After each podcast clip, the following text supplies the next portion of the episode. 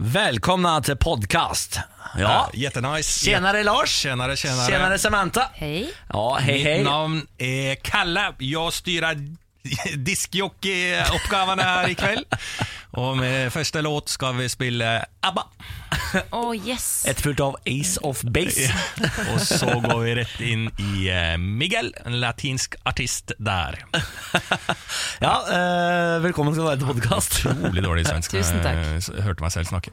Eh, Men ja, veldig hyggelig med podkast. Jeg syns det er koselig. Podkast er kanskje det koseligste å høre på det. Ja, Vi har sagt det før, vi sier det gjerne igjen. vi. Du som laster ned podkasten, du er vår favorittlytter. For du har tatt et aktivt valg. Du vil høre oss i ørene. Og podkastlytterne er veldig engasjerte også. Det kan vi se på sosiale mediene våre. På folk som sender inn på radio1.no på Facebook og Instagram og sånn. Det er ofte folk som hører på podkast og sånn. Og fortsett med det. Det er jo bare å si deres mening. Dere påvirker jo selve programmet som går på radioen hver dag også. Ja, jeg vil sende ut en hilsen til en podkastlytter som alltid laster ned og hører på oss hver eneste dag. Hun heter Angelica, og det er min mor. Hun laster ned hver eneste dag, så jeg vil sende en liten hilsen. Men også en liten sjekk for å høre om hun faktisk hører på. For da kommer hun til Åh! Hvis du har hørt på dette, mamma Skogran, mm. så må du si biffgardiner i eh, en SMS til Samantha. Ja. Biffgardiner er kodeordet. Ja. Ja, takk. Gjentar biffgardiner. hun er jo amerikansk, liksom Biff curtains.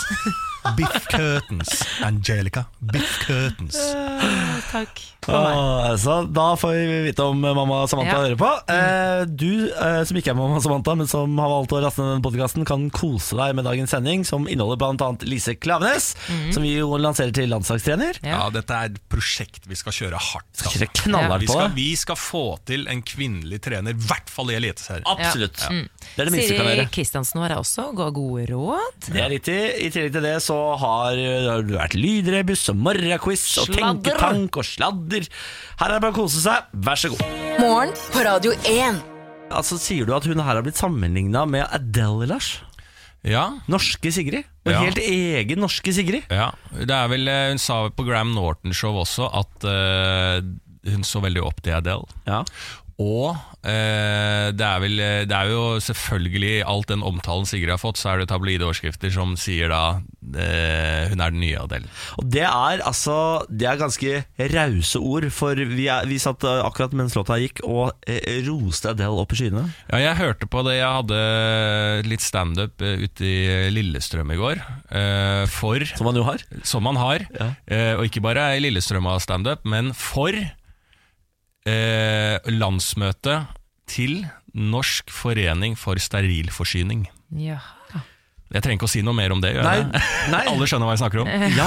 Ja, men Det er en veldig viktig arbeidsgruppe på sykehus, faktisk. Sterilforsyning. Ja, for det er eh, på et sykehus når du opererer og den type ting, ikke sant? så er det operasjonssykepleier, det er jo leger som er i gang og sånn, men utstyret må jo være insane sterilt, ikke sant? Ja, ja, ja. Og de som legger og prepper dette utstyret, er jo en helt egen yrkesgruppe, faktisk. Er det det? Ja, ja, ja. Som eh, eh, da eh, du tar ting inn i en eh, eh, Du vasker ting, eh, tørker ting, pakker ting, legger det inn i en enklave som da damper utstyret, for så å legge det tilbake, og da skal det være helt tørt. Hvis det blir litt vått da, så, er det, det- så må de kaste, eller liksom gjøre det om igjen.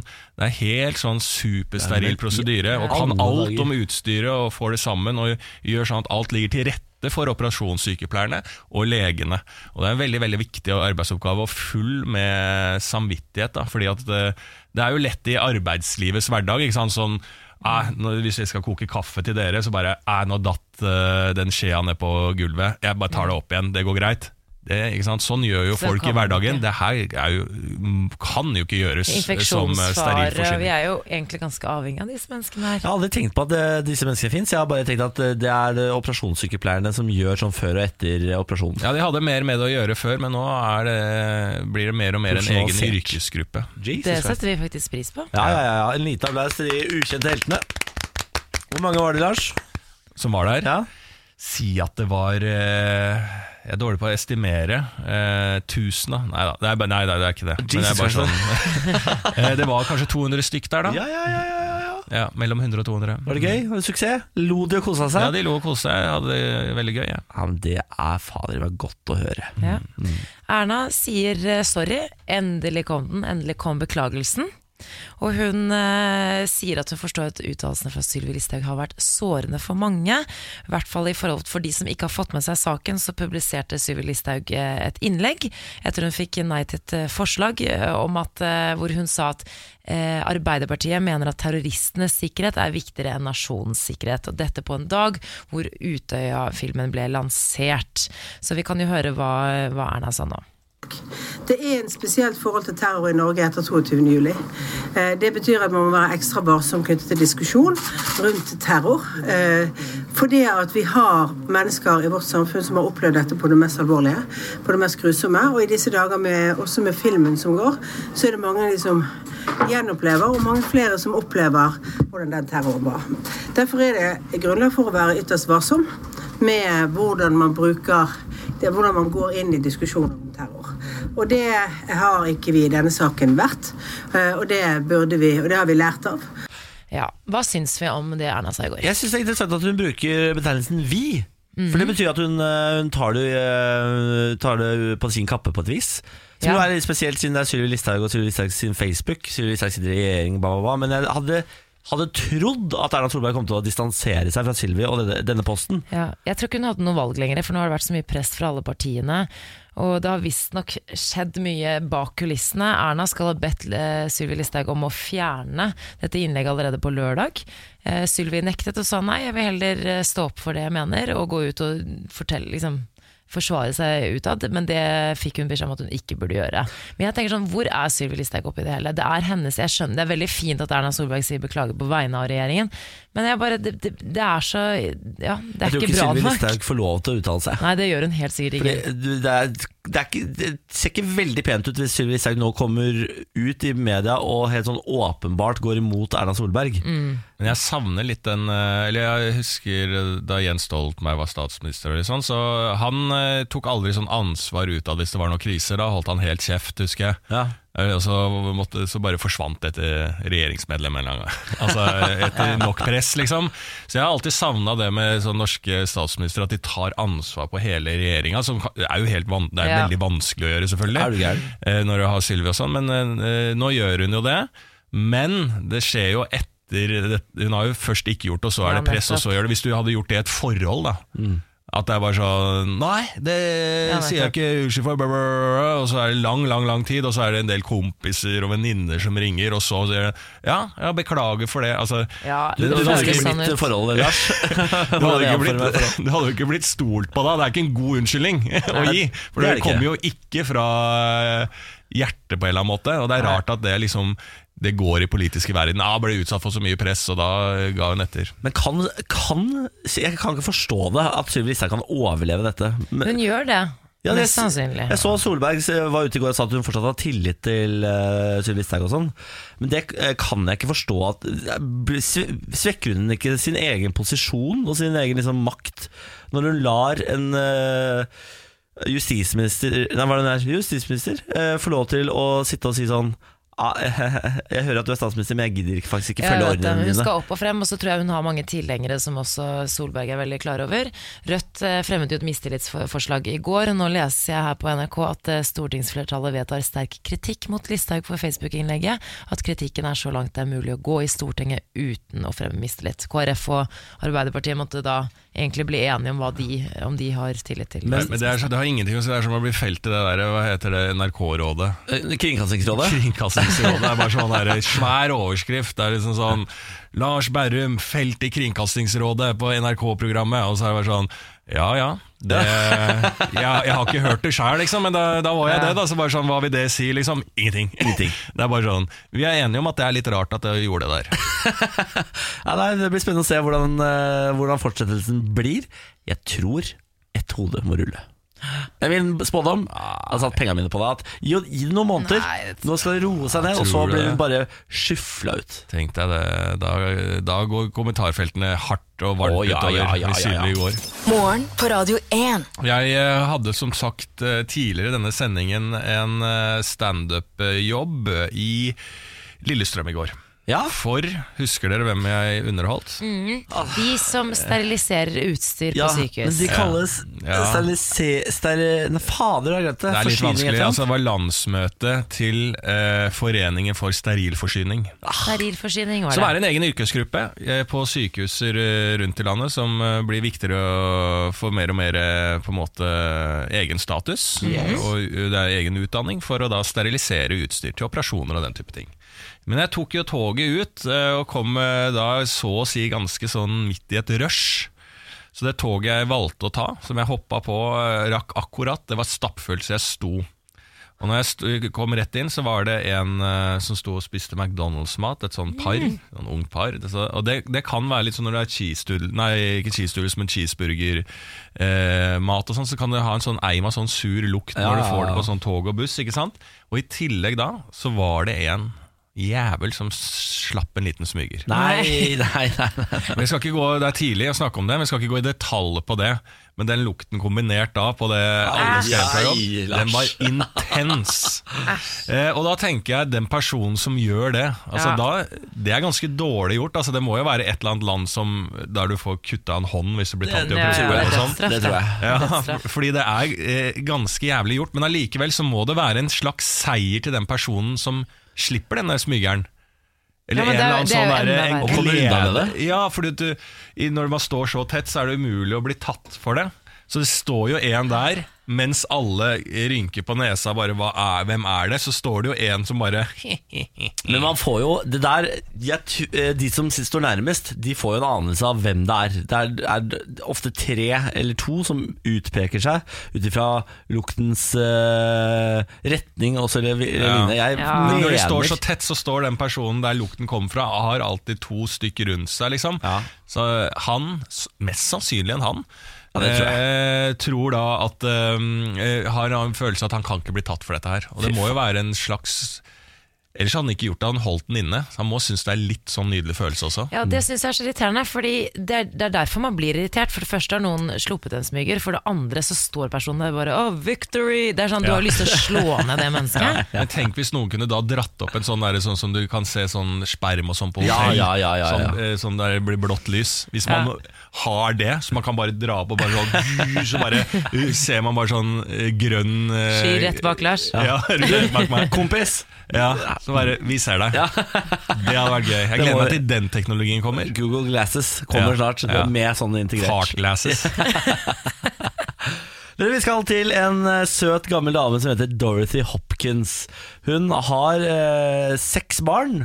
Og Det har jo nettopp vært morsdag, så hun har fått da eh, mors, et sånn morsdagskort fra alle barna sine. Var så fornøyd. Åpnet ett etter ett og fikk altså så koselige meldinger fra alle barna sine. Et av barna hadde skrevet i kortet 'Til den beste moren i verden, jeg elsker deg høyt'. Eh, problemet er bare at det ene kortet her hadde vært innom en av disse postsentralene. På den postsentralen er det da en ansatt som har tatt dette kortet, åpna det og kryssa ut litt. og skrevet følgende på kortet til 85 år gamle Dorothy. I wanna go back to my birth hole. Spread them, you all dirty slut.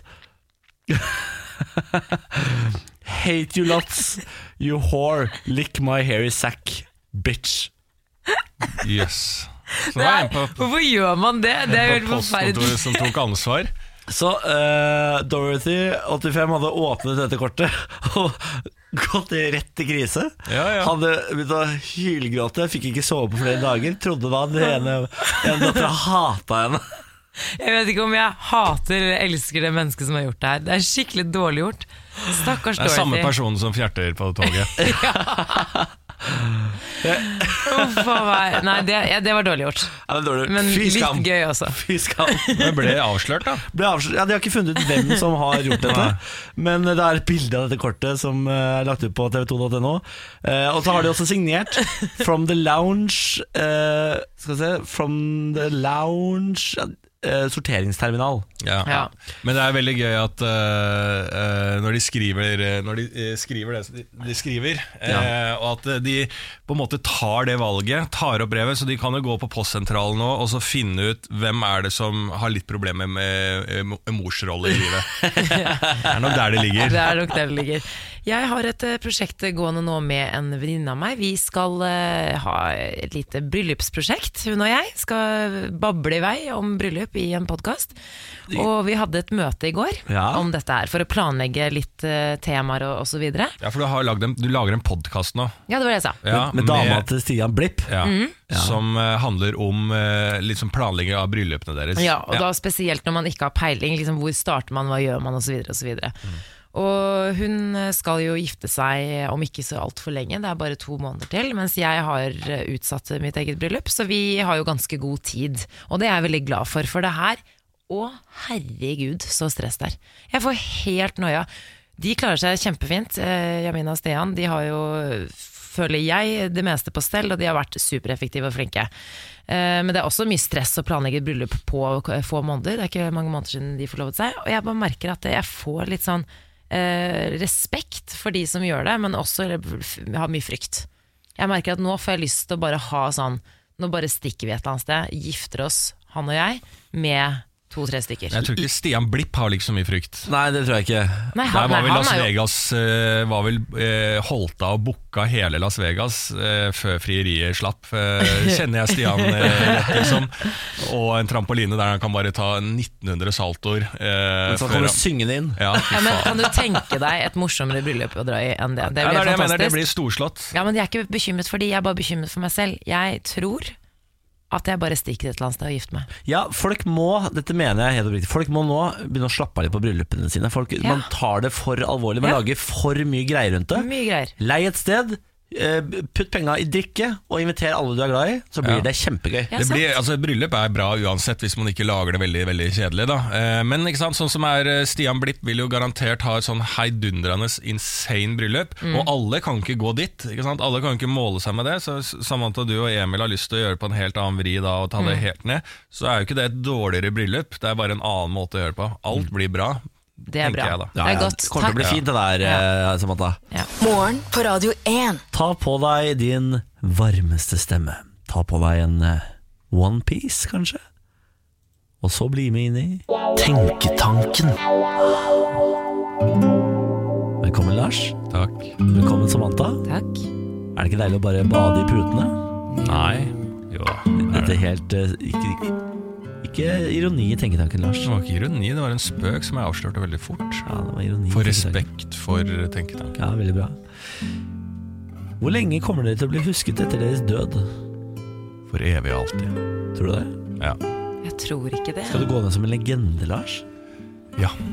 Nei, men det, nei, det spørs litt på om man får barn og den type ting. Hvis man får barn, så blir man jo huska lenger. Fordi da blir jo på en måte en del av deg ført videre gjennom et eh, barn. Jeg har en, hatt en teori om at eh, hvis man ikke har hatt sånn eh, veldig dårlige foreldre og alt sånt, så denne her rekken kan jo stoppe opp av teori, da, men hvis man har en noenlunde bra oppvekst, så tar man med seg de positive sidene med foreldrene sine, og mest sannsynlig greier å eh, forbedre de negative sidene. Noen er ikke eh, helt god ennå, så på eh, mitt barn igjen da, så kunne jeg greid å få til det samme med mitt barn, og så går det videre og videre, og så til slutt så får man et, eh, et bra menneske. Ender man opp i en perfekt verden, da, hvis det er sånn verden går fremover? ja, men så plutselig så er jo mitt barn en veldig, veldig dårlig far da. Ja, Ikke sant? Så plutselig fikk den egenskapen da. Og så ryker jo den, den, den, den forgreninga der. Men jeg tenker at eh, hvis man får barn, så blir man huska mer. Og hvis man har gjort noe spesielt, eh, er filmstjerne, musiker Spesielt musiker, da kan du bli huska lenge. Det er sant. Er det sånn husket i historiebøkene, eller husket som i husket av Det er opp til deg, det. Det er tenketanken, alt er lov. Ja, for jeg tenker de aller fleste kommer jo ikke til å bli husket i historiebøkene. Nei. Og det burde egentlig være helt greit. Jeg tror du, Niklas, har litt lyst til å gå ned i historiebøkene. Jeg, Stat, statue i Moss. jeg skal gå ned i historiebøkene. Om eh, 200 år så skal folk eh, gå på torget i Moss. Der står jeg i messing og gjør en eller annen eh, flott positur, og så sier barn til foreldrene sine Hvem er han der? Så de sier sånn Det var Messias, det. Messias, ja. Men dette her er jo egentlig umulig å svare på, fordi at dette her er jo veldig individuelt. da. For det er jo ikke et så filosofisk spørsmål, for det går jo litt egentlig på hva du gjør, og hva du har gjort, og hvor mange barn du får. Eller tenker du på noe annet? Altså, hvor Nei, det, lenge- kan, altså, det er jo i ut, altså, Utgangspunktet her er jo Husk helt vanlig. Beklager. Utgangspunktet her er jo helt vanlige mennesker. Hvor lenge blir et vanlig menneske huska? Da mener jeg du kommer med en god teori, Lars. Men vanlige mennesker man- huska, det er jo veldig forskjellig. Det, altså, det, Ja, men det altså, si et. A4 men, Altså en som ikke utmerker seg internasjonalt, da. Og da mener jeg at du kommer med et ganske godt svar, Lars. Hvis du får barn, så blir du huska i kanskje et par generasjoner ekstra. Ja, for dere Husker dere tippoldefaren deres? Eller tipptippoldefaren deres? Nei. Nei, men du er jo påminna om den, ikke sant? Nei, jeg aner, jeg aner ikke hva han het. Aner ikke hvor han bodde. Ingenting. Nei, men du er på eh, som tippoldefar, da. Så hvis man er generasjon der, så er du på en måte huska. Fordi at du har barn under deg. Bla, bla, bla, bla. Men hvis ingen av dere husker hva du het, eller hvem du var, eller hvor du bodde, da er du ikke huska, Lars. Da Jo mer enn å ikke være tippoldefar, da. Morgen på Radio 1. Morgen på Radio 1. Samantha Skogran, god morgen. God morgen. Lars Berrum, god morgen. God morgen. Og så har vi fader meg fått besøk av Siri Kristiansen. God morgen. Jeg, må var- jeg var usikker på om jeg kunne være med og klappe. Jo da. kan det. Jeg kan det. Jeg må bare legge til, for akkurat nå uh, i et uh, VG-intervju så uh, omtalte jo du radio, Niklas Baarli som en radiostjerne. Ja. Guru, nesten. Radioguru, Ja, faktisk. ja. Og du er jo en sånn radiolegende, så nå har vi jo to eh, Det er faktisk det vi radiostjerner-Samantha i studio her, så nå kan det være at det kan bli litt eh, for mye. At det kan bli eh, magisk. Ja, det kan, enten kan gå veldig positivt, eller så kan dere at det, dette studioet er ikke stort nok for dere to. Ja, det kan godt være. Hvis du, Lars, og du, Samantha, prøver nå å heve dere opp på mitt og Siris nivå, så kan dette her kanskje bli prisbelønt prisbelønnet radio. Ikke for å pisse på eget yrke, men det er jo rimelig plankekjøring, det greiene der. For oss, ja.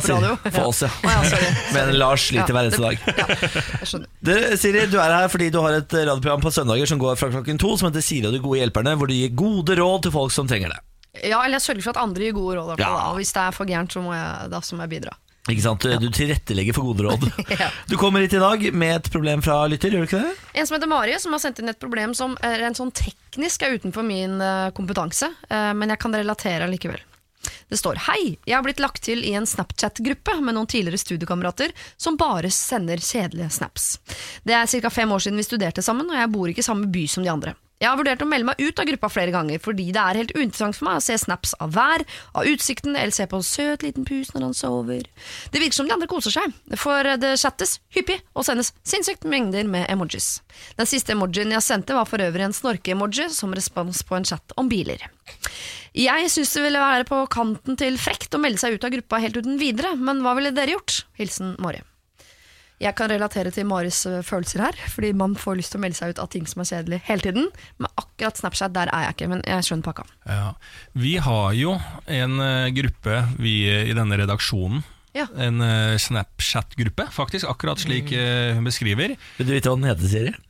Jeg regner med det er et ordspill på et eller annet. Den heter Gruppeklem. Ja. Koselig. Ja, koselig. Og der postes jo alt, og liksom når eh, helgen og hverdagen kommer inn, så poster jo alle litt sånn private ting inn i den uh, boksen der. Uh, og, der. og det går egentlig fint, syns jeg, da. Men uh, jeg vet ikke hvor lenge liksom sånn når jeg er 50 år, om jeg fortsatt kommer til å være i den uh, gruppa. Og nå er jeg så redd for at jeg har gitt deg anledningen til å ta opp noe Jeg Samantha Niklas, si for det det. virka som Ja, det var lå noe der. Liksom. kom til poenget, Lars? Sånn, og når jeg er 50 år, er det egentlig noe du prøver å si? Nei, egentlig ikke. Nei. Det er fordi Nei, nei. jeg tror den, den gruppa går greit så lenge du jobber her, men idet Ja. du er ferdig, Lars, Ja. og den gruppa fortsetter å eksistere, da kommer du til å ha lyst til å melde deg ut. For det er det som er problemet her. De studerte for fem år siden. Mm. Ja, ikke sant? Eh, Hun er ute av bobla, de andre er fortsatt i bobla. Sånn er det jo alltid, Om det er barselgrupper eller hva det er, så er det alltid én til to som på sikt liksom tenker at åh, jeg vil ikke mer. Og de andre bare har deg med for å være grei, for de veit at du er på utsiden. Men man må være på den kule sida, liksom. For hvis Ja. jeg hadde vært med øh, og slutta her, da, og så ikke øh, Og fortsatt jeg ville være med i den gruppa, Mm. men dere hadde meldt meg ut siden jeg ikke var Da hadde jeg jo Ja, det- Ja, men jeg vil jo være med fortsatt i gruppa, hadde jeg tenkt da. Men kan man sant? liksom? At man sånn, man jeg kan vil ikke ha skru av varsler eller lyd eller ja. ja. det kan man gjøre. For det, jeg er nemlig medlem av en slik gruppe selv. Hvor jeg er ute av bobla, de andre er fortsatt i den. Og de melder og chatter og sender 'det er mitt problem', dette her. Eh, og der har jeg bare skrudd av notification, så den bare eksisterer. Det er, det er alltid en sånn uåpna snap bare i, i lista. Men Er det kan Moss eller militæret, eller er det P3? Nei, det er liksom? noe, det er noe gammel gaming-greier. Gaming. Ja. Så du må trykke deg inn fysisk for å se nå, da. Ja, det Ja. må jeg gjøre. Men de ser at ikke du har sett, da. Det har jeg ikke tenkt på. Nei, for det gjør de jo. Så de vil jo se at du på en måte har meldt deg ut. Men de legger uansett merke til at jeg aldri responderer, på en måte. Ja. Ja. Ja, da virker du bare jævla busy, da. Ja, Men jeg tenker sånn, hvis hun skal melde seg Jeg syns hun skal melde seg ut, for det blir sånn unødvendig å være med på den gruppa. Men poenget er, skal man si, skal man si noe? Skal man skrive noe inn på gruppa før man gjør det, eller skal man bare melde seg ut? Hun har noen muligheter her, syns jeg. Sånn, uh, uh, at uh, det kan være hacka mobilen, så hun må starte alt på nytt. Eller altså, Mm. uh, du kan ha mista mobilen, ja, ljuge seg, og så lage en Facebook-gruppe med de samme, og bare skrive Nei, da, da, da Ja, melder hun henne inn igjen. Ikke ja. Ja. Ja, fordi Hvis hun først skal melde seg ut, så føler jeg at hun burde si fra på en eller annen måte. Men uansett hvor hyggelig du sier fra da, så, så blir det jo hun som de andre gjenværende medlemmene i gjengen sier sånn Herregud, hva skjedde med hua? Ja. For jeg, jeg har det behovet ofte, og jeg har også det behovet for å si fra. Jeg har litt lyst, øh, ofte lyst til å rygge ut en dør med begge langfingrene opp i været og si sånn Dette gidder jeg ikke lenger. Men jeg har lært, fordi jeg har gjort det mye i mitt liv, og brent mye broer, og jeg vet at det er mye folk som syns at jeg har vært idiot sånn opp igjennom, så har jeg lært at Mari, det, meste, det beste her er å bare haide. La det ligge, Ja. late Ja. som. Og når du møter det, sier sånn 'Å, herregud, sorry, jeg skulle ønske la, la, la, Bare la det flyte. Ja. At Fordi det er at- bedre å være fake enn å Ja. være direkte i noen sammenhenger, Ja, for her har vi jo, Vi må bruke Niklas her, som er i dette problemet. Ja. Og han har jo vært i dette lenge, og har ikke greid å ta noen andre avgjørelser enn å haide. Nei, for Du føler at du tramper på tærne idet du skal gå ut, Ja. og man er ikke hypp på å trampe folk på tærne som bare vil deg vel. Eh, og derfor har deg i gruppa. Eh, så bare hide, lat som ingenting. Lær deg å leve med at det alltid er en ulest snap, for det er jo også en bøyg å komme over. Det er bedre det enn sånn som på Facebook så, så står det sånn eh, Stian har forlatt denne gruppen uten å si noe. Det, er er mer frekt. Ja, det er ganske hardt. Jeg har den samme gjengen i en helt lik gruppe på Facebook, hvor jeg også har da fjerna notifications, men det er alltid én ulest melding på Facebook-chatten. Ikke sant? Det er altså, jeg skulle ønske man bare kunne ta motet til seg og si sånn Gutta, vet du hva? Jeg får ikke så mye ut av dette lenger. Kan, jeg, vi snakkes på andre plattformer, kan man si Jeg da. skjønner Ja. hvorfor du sier det, hvor det kommer fra, men Ja. de andre enden som syns at denne gruppa er kjempehyggelig, syns at du bare er utrolig kjip som gjør det. da Men Hvis du kan leve med at de syns du er kjip, det kan jeg si til Mara, hvis du kan leve med at de syns at du er kjip, så melder du deg ut og sender en melding. Men uansett hva den meldingen er, hvor hyggelig den måtte være, så de kommer til å synes at du er kjip. Hvis Ja. du kan leve med det, så melder du deg ut. Og Hvis du først skal gå ut, ta og hør på Siri, og så tar du et bilde av deg sjæl med to eh, lange fingre opp, og så skriver du 'I'm out, fuckers', og så melder du deg ut. For det kan også gå ut tolkes som Ja, for de liker deg ikke uansett. Ja, de liker deg ikke uansett. Du kan like seg at å gjøre det. Ja, ja, ja. Ja. Nei, men Det får bli eh, rådene, det, da. Ja. Hvis du liker å bli likt, eller hvis du takler å uh, ikke bli likt, så gjør du det. Hvis du er opptatt av å bli likt, så må du bare surre og lulle deg inn i det. Hvis du trenger eh, råd og tips, så kan du sende dine problemer til Siri krøllalfa radio1.no. Hun er på med Siri og de gode hjelperne hver søndag fra klokka to. Siri, takk for besøket. Hyggelig å være her. Gå med Gud. Morgen på Radio 1. Det er torsdag. Samantha Skogran er her. God morgen. God morgen. Lars Berrum er her. God morgen. God morgen. Jeg heter Niklas Baarli. God morgen. Og nå har vi fått besøk av Lise Klavenes. God morgen. God Eh, du virker litt sånn forvirra på hvorfor du er her. Det skal vi klare. Og hvor jeg skulle. Ja, og det skal vi eh, forklare deg, Lise. For i går så hadde vi en samtale her i radioprogrammet hvor eh, vi snakket om eh, leder i Serieforeningen for kvinnefotball, Hege Jørgensen, som mener at det er lang vei å gå før vi ser en kvinnelig trener i Eliteserien. Vi toppa på en måte det, og så begynte vi å tenke på landslaget. Lars hadde en teori om at eh, Norge nå få inn kvinner på topp. Ja, ja en, eh, altså Herrelandslaget i fotball må ha en eh, kvinnelig trener. Det er det, det er det som skal til. Ikke bare for at det er på tide med en eh, kvinnelig trener i det hele tatt. Og da kommer jeg, da var det første som dukka opp, eh, var jo deg, da. Eh, som eh, trener for herrelandslaget. Fordi at jeg tror at det er helt riktig tid og alt sammen, fordi herrelandslaget ligger jo helt nede. Få ut liksom de gamle, få revolusjonert litt, få inn en kvinne som trener der. For da mener jeg ikke bare at vi blir den første eh, herrelandslaget som har en kvinnelig trener, men vi vil også at spillerne endelig blir motivert for å få noen resultater. Og ikke er så primadonnaer utpå det begynner å løpe litt for treneren. Eh, og så viser det seg eh, Du sa vel kanskje sånn inn, inn, akkurat når du kommer at du ikke er trenerutdanna? Ja, det, det stemmer. Ja, men det mener jeg bare er positivt. ja, fordi at nå har vi prøvd mange med trenerutdannelse også. Det har ikke funka. Så, så der kan vi også tenke nytt. Ja, ja, ja, ja. Men Lise, du er jo tidligere fotballspiller og du er fotballkommentator for NRK, og ikke minst du er jurist. Men hva, det er mange som mener at det er en lang vei å gå før vi får en kvinnelig trener. Hva mener, hva mener du? Eh, det kan jo vise seg at det blir en lang vei, og det har vært en lang vei. Vi er jo midt i den veien, men den veien stopper bare akkurat når noen tar et valg, liksom som Lars sier. Nå begynner folk å sette ord på det, og det har på en måte bare vært eh, oss i stammen som har sagt det, og kanskje ikke engang oss. Jeg har flere ganger gruet meg for å si, lansere en kvinnelig kandidat når det har vært eh, toppjobber på, på, på herresiden. Eh, for jeg har ikke lyst til å begå sosialt selvmord. Eh, og så driver man med vikarierende motiver eh, eller argumenter om at eh, kanskje ikke den er kvalifisert, man har ikke så mye internasjonal erfaring på herresiden. Så blir det en sånn selvforsterkende eh, sirkel, egentlig. Men eh, jeg tenker at veien trenger ikke være lang. Den kan stoppe i morgen. Det handler bare om at en klubbleder tenker sånn som Lars gjorde nå, og, og tenker at eh, kanskje kan, til, kan det til og med være motiverende. Fotball er jo en idrett som er veldig betinget av motivasjon, og at man er samlet. Og hvis man får en dyktig kvinnelig leder, som ikke blir meg Jeg er som sagt ikke trener, jeg er veldig smigret over at jeg ble lansert, men det finnes mange veldig gode kvinnelige kandidater der ute som man bare har sett, sett på som ja, de, de er gode selvfølgelig, men de har ikke den internasjonale erfaringen. erfaringen. Men nå Lise, tror jeg, nå syns jeg du er litt vel negativ til kandidaturet ditt. eh, Fordi jeg, jeg tror ikke du skal la deg sjøl begrense av mangel på trenerkompetanse. Nei, nei, er nei. jo, altså, vi er jo, alle kan lære hele Ja. tiden, ikke sant? Ja, nei, det- det det er bare noe noen kveldskurs, det. Ordner seg, det greiene der. Ja, ja, ja. Ja, ja.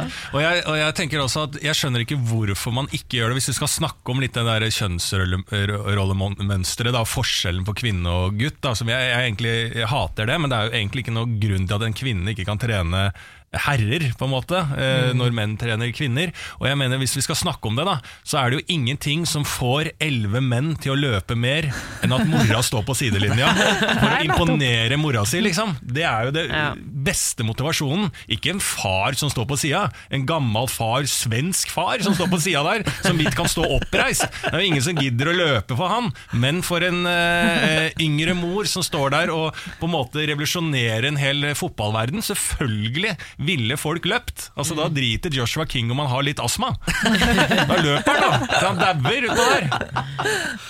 Har du troa på dette her, Lise? Ja, jeg jeg er helt enig i perspektivet, selv om eh, dere tøyser og tuller som jeg liker godt. Og som sagt Det er ikke noe tøys og tull. Men jeg vil òg lansere Solveig Gulbrandsen, Monica Knutsen, Hege Ja. Riise.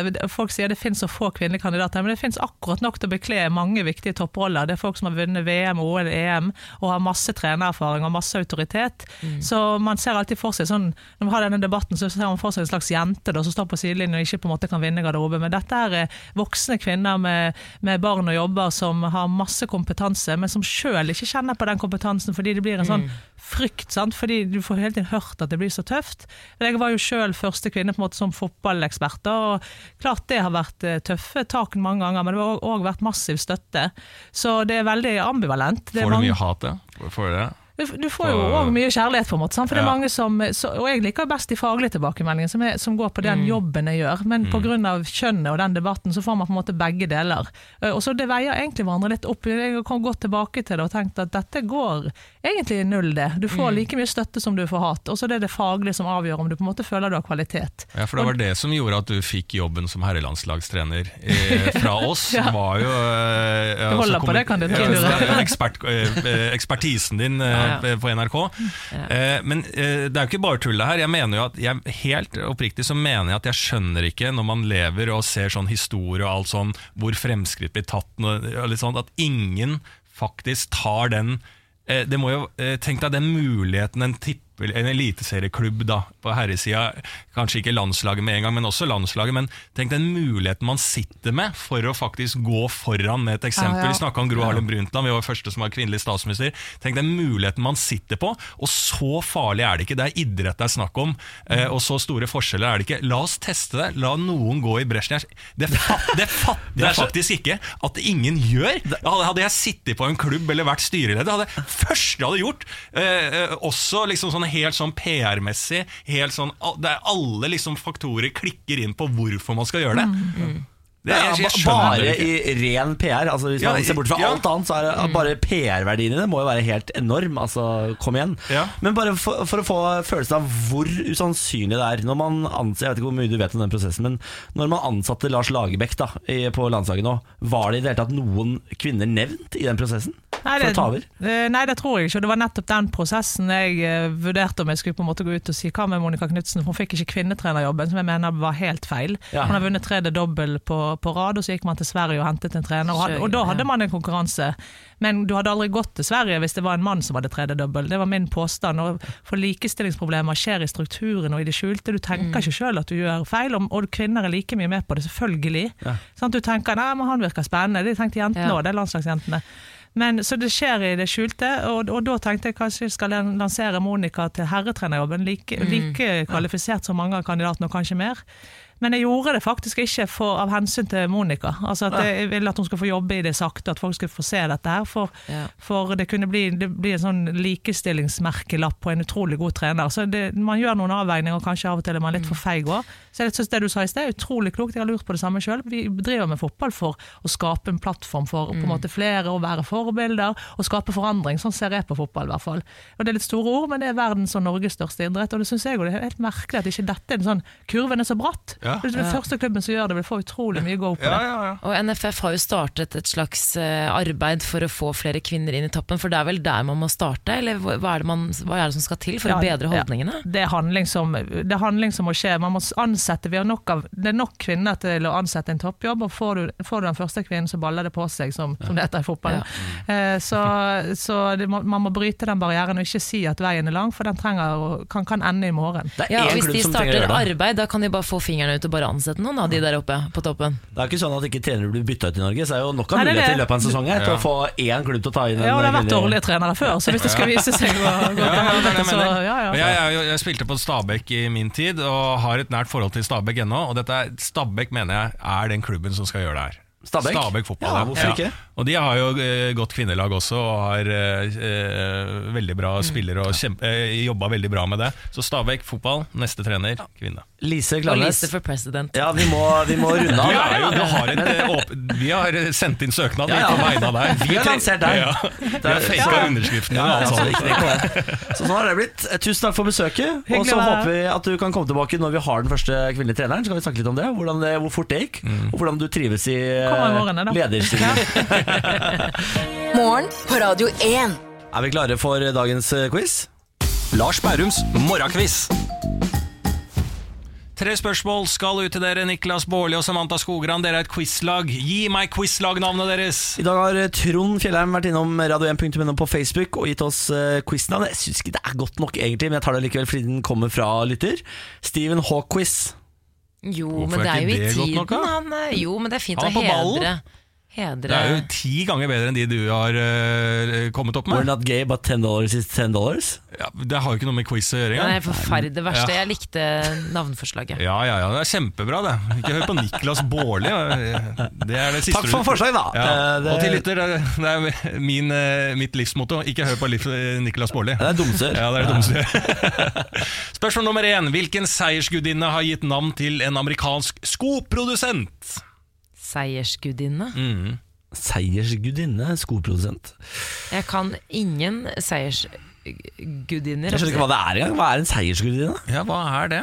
Er det noen som har vunnet mye i sport og idrett? Ja, Kanskje det er noe i sånn mytologien, eller kanskje det er langt tilbake i tid. Men har er- er amerikanerne noe eh, gammel mytologi, de da? Nei, men bør det, må det være amerikanerne som har den eh, De kan jo ha vært inspirert. Men Sa du ikke en amerikansk eh, seiersgudinne? Nei, jeg sa ikke det, Niklas. Dette er Kan du nok et eksempel på at du ikke skal høre på Niklas Baarli. Eh, hvilken seiersgudinne har gitt navn til en amerikansk skoprodusent? Å ja. Ja. Eh, Reebok, det er vel eh, amerikansk, er det ikke det? Reebok det er Reebok? sikkert. Eh, hvilke andre skogiganter har vi da? Du har jo Nike. Ja, men er det Men jeg syns ikke Reebok eller Nike er så veldig Nei, men er det sånn. Alexander McQueen? Altså, kan det være sånn fine, fine sko, liksom? Type Å ja, det, oi, du er så fancy. Ja, veldig. Men jeg tenker skogigant. Ja, men det er jo ikke, fine sko er jo ikke skogiganter, fordi det er jo til de flotteste og mest Ja, men, fjonge. men Alexander McQueen er jo en skogigant. Vil du ikke si det? Nei. Louis Vuittons? Vuittons. Louis? Ja, men det er jo så mye annet. Det her er jo Reebok og Nike, jo, eller det er jo masse annet det også, men det er jo skomerker, i hvert fall store amerikanske skomerker, er det ikke det? Ja, men er ikke, er ikke, er ikke Louis Vuittons uh, skomerke? Louis Vuitton. Ikke Vuittons. Ikke, ikke begynn å hakke på Er Louis Vuitton, engelsken syns du det høres amerikansk ut? Syns du ikke du det høres fransk ut, f.eks.? Jeg, jeg er helt enig at det ikke høres amerikansk ut, men er det, vi er enige om at det er skomerker.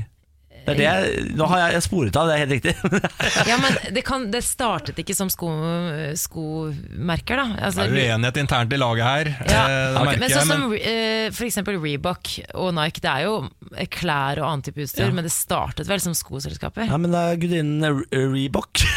det høres jo Ok, vi går for Reebok. Endelig svar avgitt. Yes. Nei, Reebok eller Nike? Gudinnen Nike. Det høres jo helt feil ut. Reebok. Ja. Spørsmål nummer to. Hva betyr akevitt? Aqua white. Hva betyr akevitt? Ah, det, er, det er jo helt jævlig å drikke. Jeg orker egentlig ikke å forholde meg til akevitt. Gjør du ikke det? Nei. Nei ikke, på, ikke jula engang.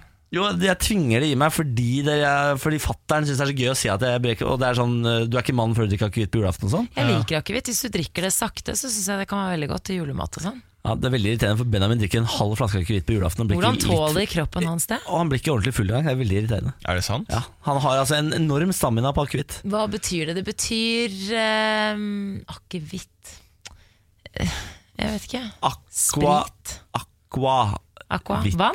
Vann? Hvitt vann! Fyllevann.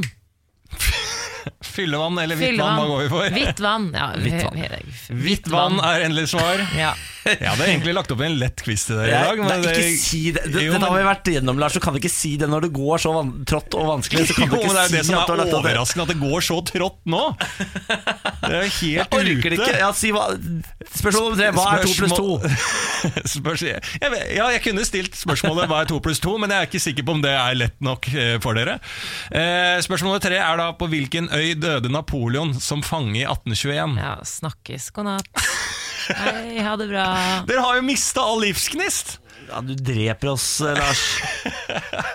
Eller Hvilken dreper øy? du oss, Niklas? Dette er, Jeg? Hvordan, Dette, du kan ikke skylde på meg for dette her, Samantha. Du har ikke bidratt med noe som helst. Eh, men du har jo bidratt. Louis Vuittons altså, Og jeg ja, Når du var i Alexander Tyrkia når du McQueen. var ung uh, mossing og kjøpte Louis Vuittons fra det tyrkiske markedet.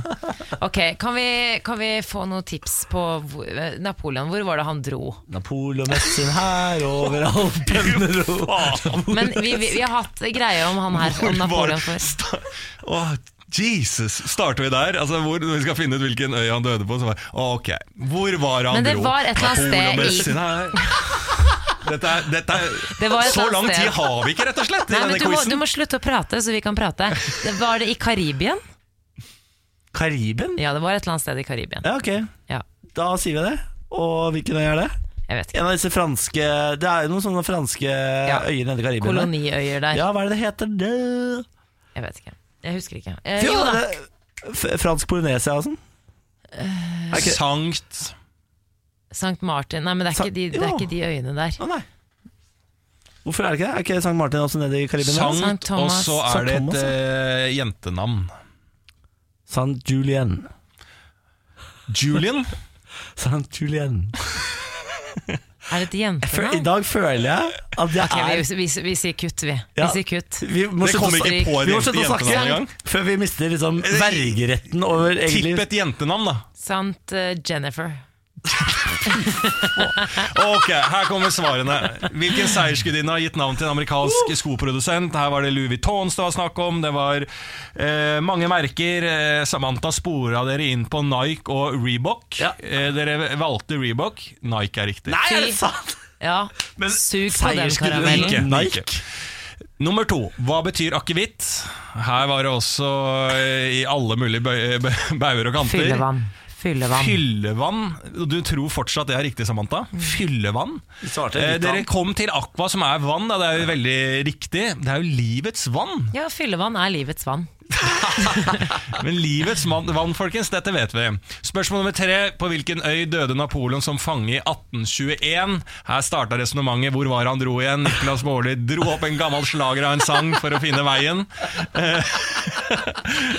Og eh, Man kom seg til noen øygrupper i Karibien, og jeg prøvde å gi det hint på Sankt, også et jentenavn. Da kom eh, Julian fra Niklas, var et forslag på jentenavn. Og så var det endte det på. Sankt, Sankt Jennifer. Julian. Det var ikke øyen Sankt Jennifer, det var øyen Sankt Helena. Ah, aldri hørt Aldri om det. hørt om. Vakkert navn, da. ok, ja. Ja. Nei, men det, dette her, her skal jeg bare skal komme oss ut i låt, og så Ja, får vi er- glemme den quizen her. Dette her skal vi aldri snakke om igjen. Dette skal aldri Jeg omtales. fikk ett svar riktig. Dette Jeg skjedde ikke. personlig fikk det. På ingen måte som Mattis gjorde. Nike. Morgen på Radio 1. Lars Berrum er på en terningkast eh, fem i dag, gjetter jeg på. Samantha er på en eh, Jeg gjetter på en femmer. Vi er 15 totalt her nå. Det er helt riktig. Ja. Ja. Det er helt sant, det. Uh, ja, jeg, jeg har lyst til å eh, Jeg hadde jo en uh, litt sånn innholdsrik togtur frem og tilbake til Lillestrøm i går. Eh, som skal nevnes, der jeg opplevde da Jeg var på vei til å ha standup for eh, lands, eh, eh, landsmøtet for eh, Foreningen for no, eh, norsk sterilforsyning. Ikke sant? Som er da de som jobber med å sterilisere ting og tang til sykehus. En veldig viktig yrkesgruppe eh, som man glemmer litt, så en applaus til de. På denne togturen så opplevde jeg da eh, en veldig full togtur på vei til, med eh, en som spiste McDonald's-mat, og så var det i tillegg en som slapp en liten fjert. Så den lagde en veldig sånn god atmosfære på den turen til. Eh, hjem igjen så fikk jeg liksom ro, for da var det litt såpass sent, så da var toget liksom rolig, så det var sånn nydelig. Jeg hadde musikk på øret, det var behagelig, jeg så ut, jeg var litt sånn tenkende, det var deilig. Eh, så eh, gikk jeg litt sånn inn på nrk.no, leste nyheter og tenkte litt sånn, åh, det var kanskje en kul fotballnyhet, nå hadde det vært perfekt, ikke sant? Men isteden, hva møtte meg? Jo, en nyhet om skjeggkre. Skjeggkre, fy faen! Altså, jeg har jo noia for rotter og sånn i husene, men så kommer da kjeggkre, som er da en ny sånn blindpassasjer av et insekt, som kommer i eh, papp. De lever av tapet og papp. Hvordan kan et insekt leve av tapet og papp? Og det er da Du finner de inni sånne eh, bølgepapp, vet du, sånn som du får på Ikea, som Ja, ofte pakker inn sånn at de er litt sånn eh, slagkraftige. At de, kan, at de tåler en liten støyt. Det er sånne bølger, og så inni der så liker de seg. Der legger de egg, og de blir mange. Og det var et eksempel med en person, som, et par som hadde fått slike i huset, og det var fullt av de. Og de kravla opp, og plutselig var på kjøkkenbordet, fant ikke hvor de var fra. Og han eh, mener at det kom fra en Ikea-pakke de hadde liggende på gulvet, for de hadde pakka ut en møbel, ikke sant? sånn som man har når man bygger opp ting. Ja, ja. Eh, og der regner jeg med at det kom ut. Og så er det, eh, Dette finner de på varehus overalt i Norge. Og du må sette opp limfeller, og de hadde liksom tatt opp masse limfeller. Jeg vet fortsatt ikke hva en limfelle er, men de hadde tatt opp masse limfeller, denne, eh, dette paret, og åpna alle vinduer, spraya ned alt i leiligheten og vaska med insektspray, og så dratt på påskeferie. Og så hadde de kommet tilbake, og da var det bare masse døde skjeggkre. Så det er det nye veggdyret på en eller annen måte, og de ser eh, veldig nasty ut, og de ser liksom større ut enn Altså, Nei, de ser så æsj. kakerlakkorm. Er det, liksom. ikke, er det de forsikringene nekter å ta regninga på nå? Jeg synes jeg leste en sak i stad om at uh, forsikringene fjerner dekking av skjenkere fordi det, det, det er så vanskelig å få bukt med de. At det blir så dyrt for forsikringsselskapene at hvis du får de der i hjemmet, så kan du ikke lenger ringe liksom, forsikringen og få utbetalt støtte til å få fjerna de. Ja. Men jeg begynner nå Nå er jeg konsekvent. Altså. Idet jeg har vært i utlandet, så pakker jeg ut tøyet mitt utafor. Og Gjør du det? det. Ja, det skal, jeg, jeg, har ikke gjort det hittil, men det skal jeg begynne med. Sånn at jeg slipper veggdyr. Altså Jeg vet ikke om det blir borte da, men det, det skal jeg begynne med. Ja. Og så skal jeg også begynne, hvis jeg får noe Ikea-ting eller noe sånt på døra, alt skal pakkes opp utafor døra mi. Ja. Jeg skal ikke ha inn noe som har med papp å gjøre, og jeg skal fjerne tapeten min også, som er næringa til disse skjeggrenene. Jeg skal bare ha betong jeg, i hele leiligheten. Ja. Det blir koselig. Jeg skal ikke ha møbler heller. Jeg skal ikke ha møbler heller. Katy Perry kysset Idol-deltaker, men han likte det ikke. Vi snakker om en som heter Benjamin Glaze, 19 år gammel fra Oklahoma. Var på audition eh, i American Idol. Eh, før han fikk begynne å synge, så var det en dommer som spurte Har du kysset en jente og likt det, og siktet da til Carrie, eller Perrys hitlåt I Kissed a Girl and I Liked It for ti år siden. Da svarte da denne 19 år gamle gutten eh, nei, jeg har aldri vært i et forhold, og jeg, ikke, jeg kan ikke kysse en jente uten at jeg er det. Sikkert pga. Personlig ståsted eller religion. Religion. Så sier da uh, Katy Perry Nei, er det sant? Så sier hun 'kom ned hit', så hun beordret 19-åringen ned hit. Og så sa hun eh, 'du kan ikke mene alvor', og han sa 'jo, det er helt sant'. Så eh, sa Glaze, og så var hun på en måte på vei inn for å kysse ham på eh, Og så sa han sånn 'oi, skal du kysse meg på kinnet?' Hun bare nei, og så kysset hun midt på truten. Så hun, hun stjal det første kysset hans, og i ettertid så sa hun eh, 'jeg syns det var ubehagelig'. Sa han? bare fordi du er popstjerne og pen, betyr det ikke at alle gutter i hele verden har lyst til å kline med deg. Det er typisk kvinner å gjøre sånn. Ja, Å faen, presse seg på på den måten. Har vi snakka om dette i metoo-tider? Nå er det på tide å ha fokus mot kvinner og Enig. maktpersoner!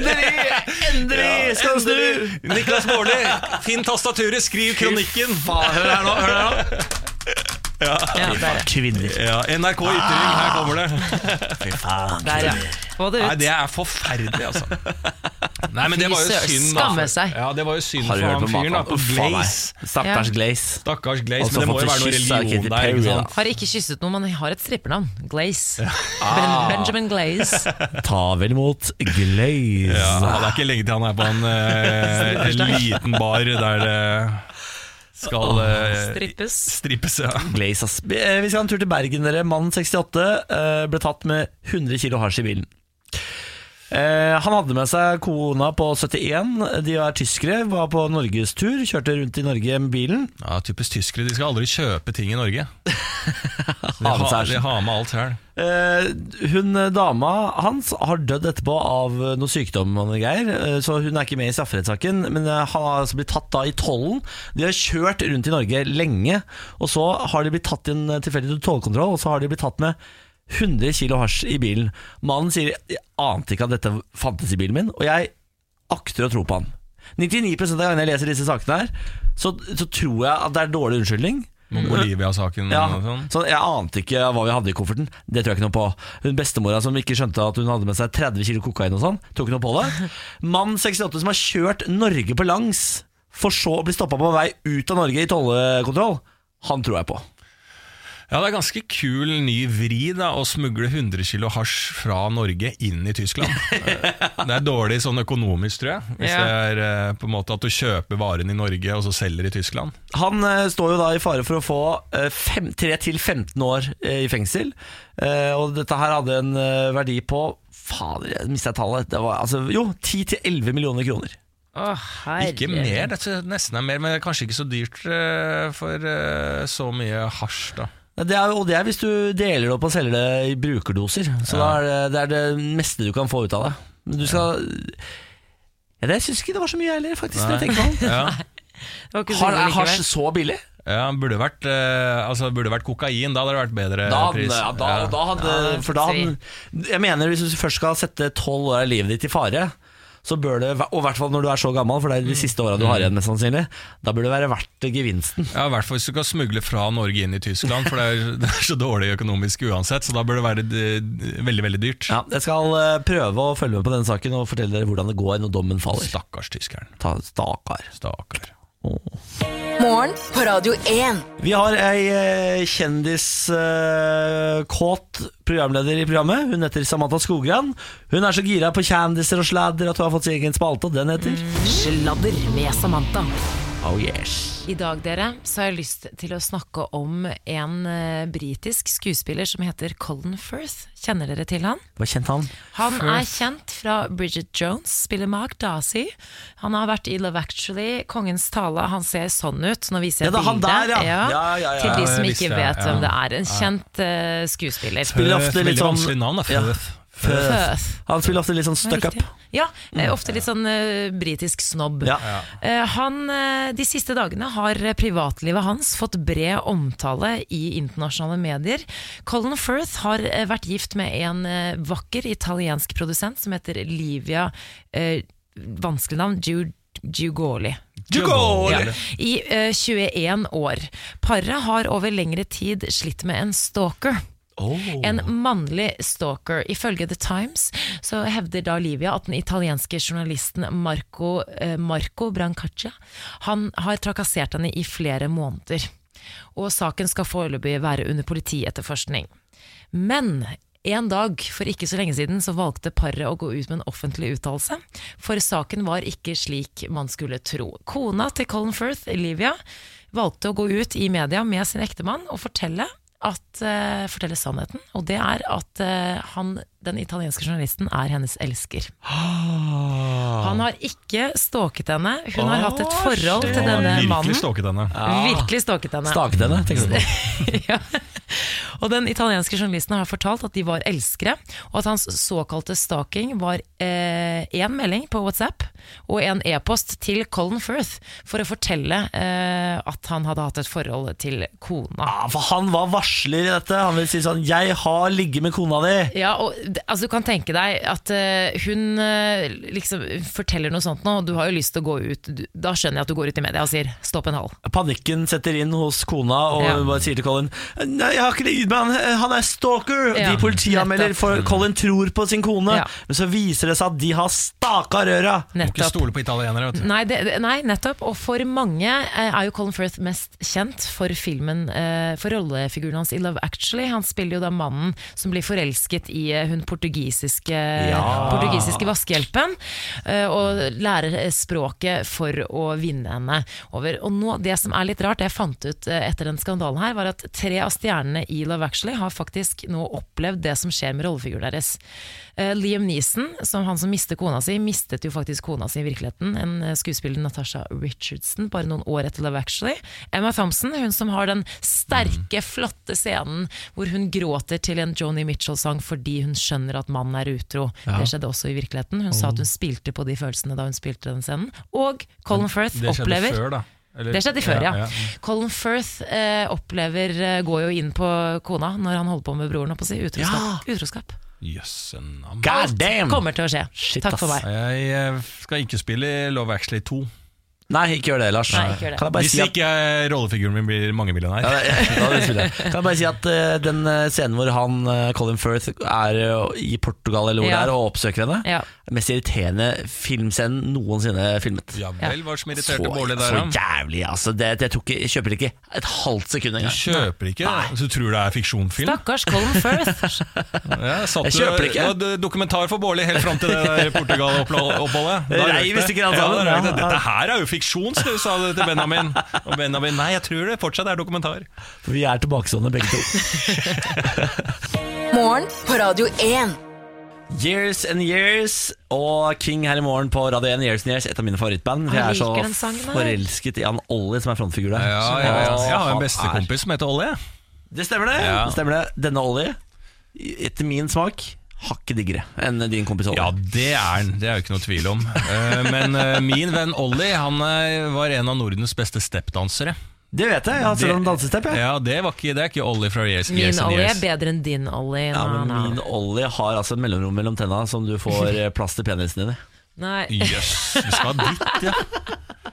Altså han yes and yes-fyren? Ja, ja, ja, Ja, ja, men det, min Ollie har ikke mellomrom mellom tenna, Nei, nei. som jeg mener er en positiv greie. da det. Det er kanskje noe med den mellomrom mellom tenna, som Kurt Nilsen altså Det er noe med at man er blir bedre til å synge med mellomrom mellom tenna. Kan det være en uh, jeg, har, jeg har mellomrom mellom tenna. Ja, ikke Ja. ta den videre. ja, men Du har ikke mellomrom, du har bare litt eh, De er tette Ja, helt nederst. ja. Men De er tette helt nederst. Ja, ja. og Derfor kan ikke du synge. Men hvis det mellområdet hadde gått gjennom hele, da kunne jeg synget. sunget. Ha sprekk, ikke høl, er det det du sier? Ja, Det der, det der, akkurat det der hølet der har irritert meg jævla lenge. Hvorfor det.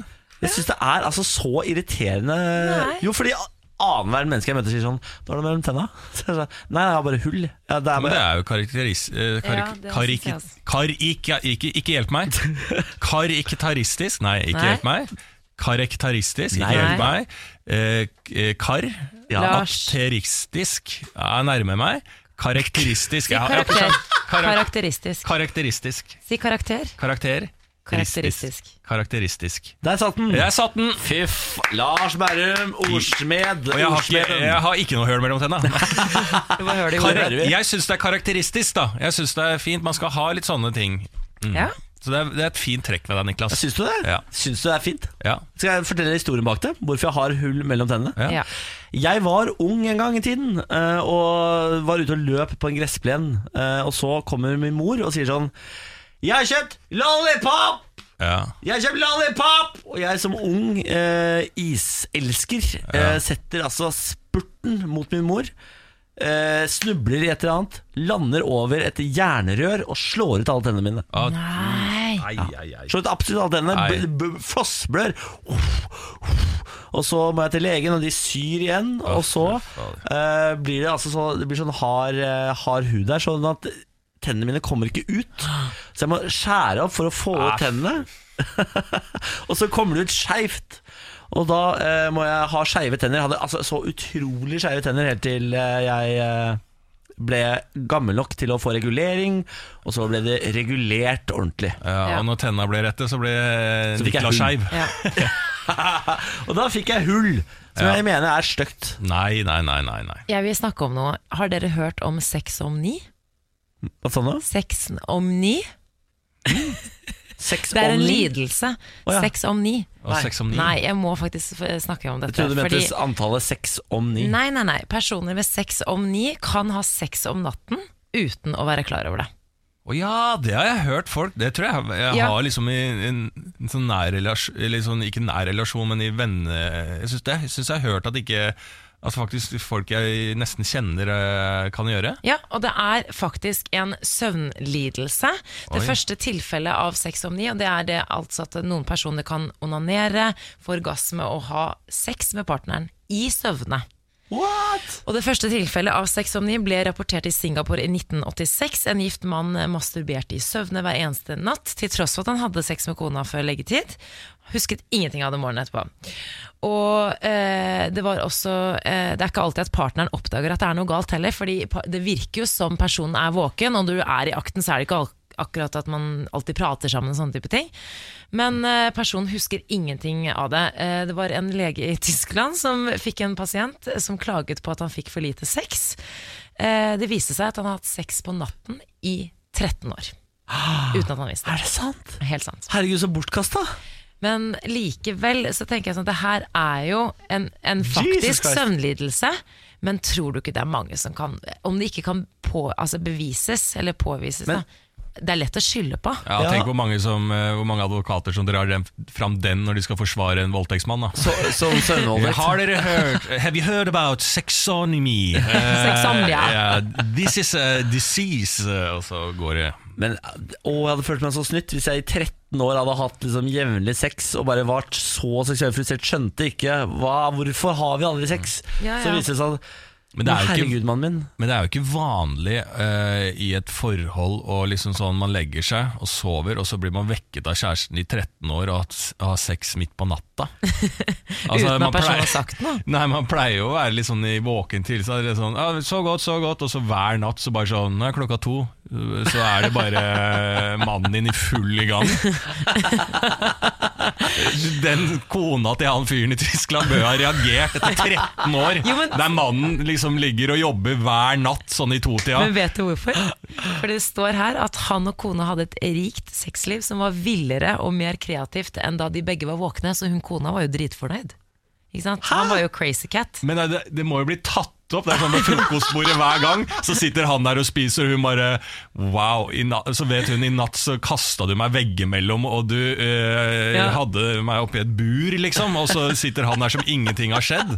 Ja, vet jeg. Ja, det syns jeg er merkelig også, men jeg syns det er litt gøy òg. Det heia sexlivet deres. Ja, men jeg tror dette paret har, i tillegg til å ha problemer med denne søvnlisten, så har de også et kommunikasjonsproblem som jeg ville ta tak i i dette, i dette Nei, ja, de har det i hvert fall Det er sex, da. Ai, ai, ai, ai. Ja, nei, det, det er det mest bisarre jeg har hørt om. Jeg vet om det fins. Nei, dette her skal jeg bruke til min fordel på en eller annen måte. Det er ingen tvil Pass deg for det, Lars. Det kan Ja. fort bli stygt. Ja, det kan Pass deg for det. Ja. Morgen på Radio 1. Hverdager fra sex. Hver torsdag så har vi noe som kalles Lydrebus her i programmet. Eh, Det er en spalte hvor jeg, Niklas Baarli, lager eh, tre lyder. Eh, Eller sier tre ord. Eller altså, jeg får lov til å si og gjøre hva fader jeg vil med kjeften. Disse tre tingene skal føre fram til én aktuell sak som Samantha Skogran og Lars Berrum skal gjette seg frem til som et lag. Er vi klare for dagens lydrebus, da? Ja. Ja. Godt å høre. Jeg gleder meg til denne personlig eh, veldig selv. Her er lyd én. Det var lyd én. Mm. Ja. Lyd to.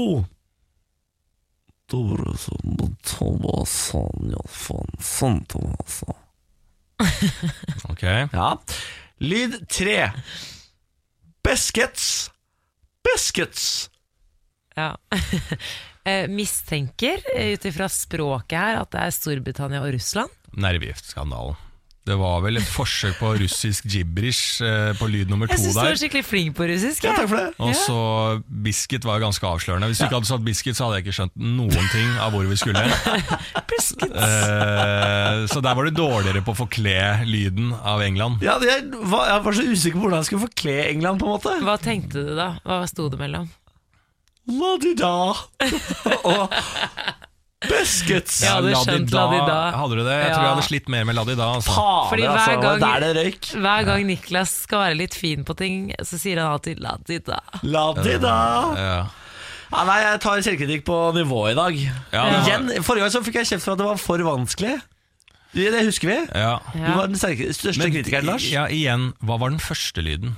Kan du gjenta den og si hva det var? Det er han som blir Er det, for er det, er det sånn Det er han som han ligger syk på sykehuset til nervegiften. Oh, ja, det var det Sergej Skripal. Ikke sant? Og så Ja. er det. Hvem er det? Det er russere. Det er, det er, Russiske agenter som prøver å drepe Skripal. det, er, det, er, eh, det er sånn man hører russere hvis de har bor på naborommet på et hotell.